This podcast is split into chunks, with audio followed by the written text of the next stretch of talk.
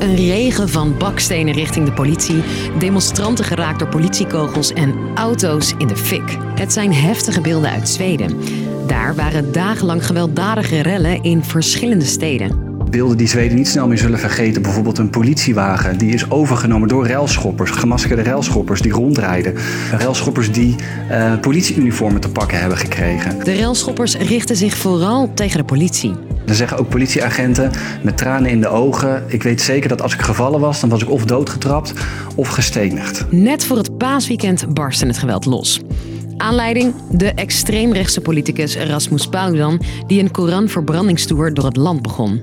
Wie is deze politicus en wat zit er achter deze rellen? Ik ben Sophie en dat leg ik je uit. Lang verhaal kort. Een podcast van NOS op 3 en 3FM.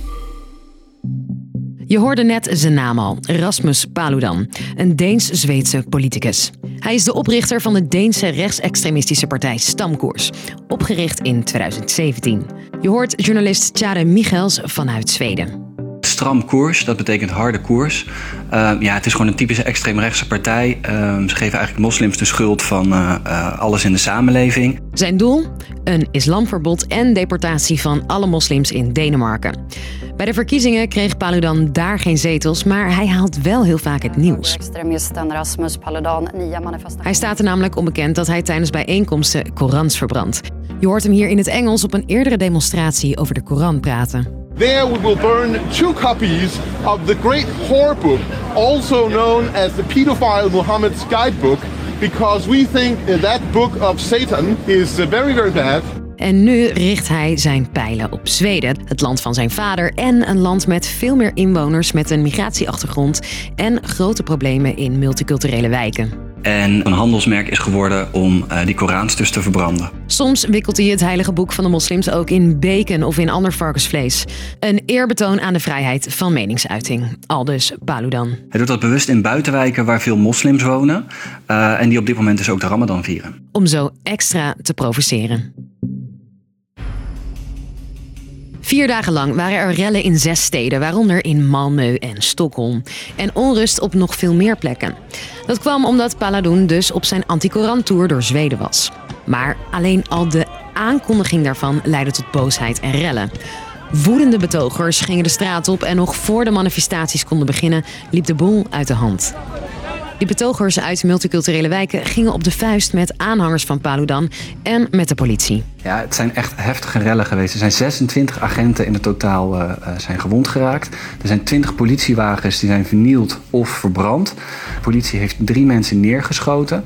Maar ondanks het feit dat de boel snel uit de hand liep, kreeg Paludan toch toestemming van de autoriteiten om in een beruchte wijk in Stockholm een Koran te verbranden. En vervolgens wilde hij naar Örebro, eh, een andere stad in Zweden. En ja, daar zijn we echt wel echt de allerergste uh, rellen op zijn er uitgeroken. Het was een weekend vol autoverbrandingen, vernielingen en geweld. Zoals Zweden die niet vaak ziet. Volgens de politie zaten tussen de betogers ook leden van criminele bendes. Die uit waren op een gewelddadige botsing met de politie. En helemaal geen religieuze of ideologische motieven hadden. Ja, de politie die wijst nu naar criminele bendes, uh, straatbendes, die zich normaal gesproken bezighouden met afpersing en met drugshandel. En volgens de politie was ook echt het doel om de uh, politie ook echt te verwonden. En zo opvallend is dat zij niet wijzen naar het religieuze aspect van die rellen. Uh, er werd namelijk op verschillende momenten, er zijn video's van, wel Allahu Akbar geroepen.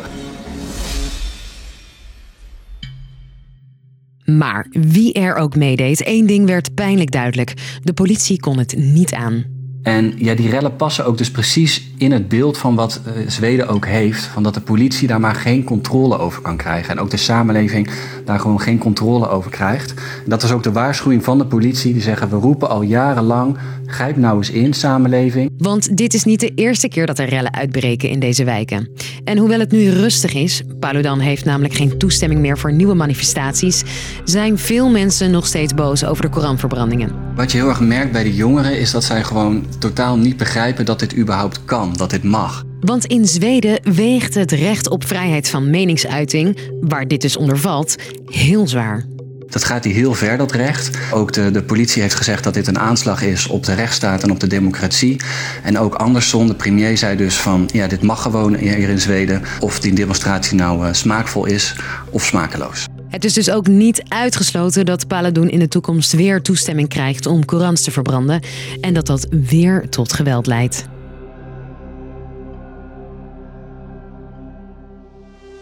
Dus, een lang verhaal kort. Het was chaos op veel plekken in Zweden tijdens het paasweekend door aangekondigde Koranverbrandingen.